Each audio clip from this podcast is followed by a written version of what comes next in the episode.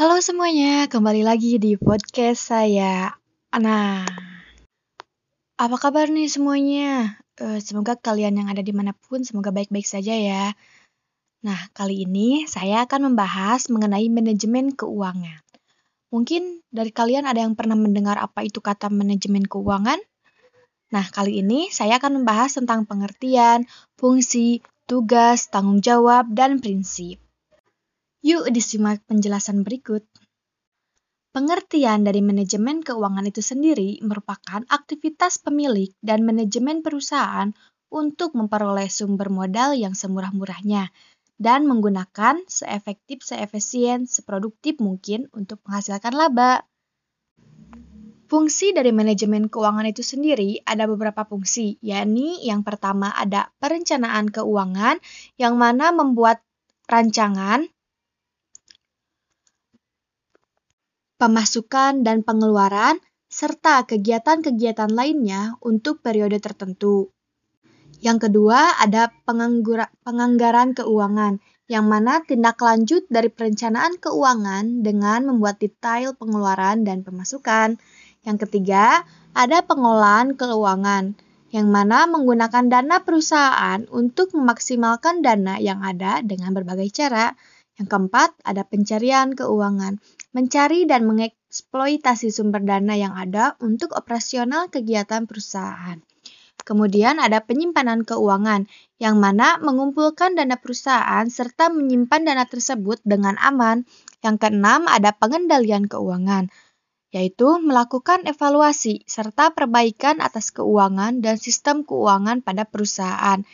Yang ketujuh, ada pemeriksaan keuangan, melakukan audit internal atas keuangan perusahaan agar tidak terjadi penyimpangan.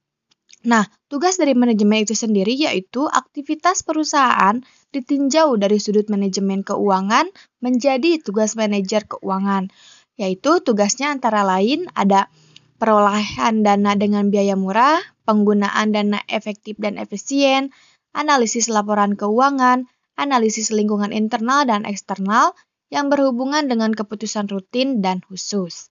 Kemudian ada tanggung jawab manajemen keuangan. Manajer keuangan mempunyai tanggung jawab yang besar terhadap apa yang telah dilakukannya. Adapun keputusan keuangan yang menjadi tanggung jawab manajer keuangan dikelompokkan ke dalam tiga jenis. Yang pertama yaitu mengambil keputusan investasi atau pembelanjaan aktif yaitu menyangkut masalah pemilihan investasi yang diinginkan dari sekelompok kesempatan yang ada. Memilih satu atau lebih alternatif investasi yang dinilai paling menguntungkan, seperti implementasi dari allocation of funds atau aktivitas penggunaan dana. Kemudian ada e, biasanya dalam aktivitas penggunaan dana ini dalam jangka pendek dalam bentuk working capital yaitu berupa aktivitas lancar atau jangka panjang dalam bentuk capital investment berupa aktivitas tetap. Kemudian tercermin di sisi aktiva sebuah neraca, yaitu komposisi aktiva harus ditetapkan, misalnya beberapa aktiva total yang dialokasikan untuk kas atau persediaan, aktivitas yang secara ekonomis tidak dapat dipertahankan harus dikurangi, dihilangkan, atau diganti. Kemudian yang kedua ada mengambil keputusan pendanaan. Nah, menyangkut masalah ini, pemilihan berbagai bentuk sumber dana yang tersedia untuk melakukan investasi memilih satu atau lebih alternatif pembelanjaan yang menimbulkan biaya paling murah seperti implementasi dari racing of fund atau aktivitas perolehan dana. Hasil financing decision tercermin di sebelah kanan dari neraca. Nah, yang ketiga ada mengambil keputusan atau dividen.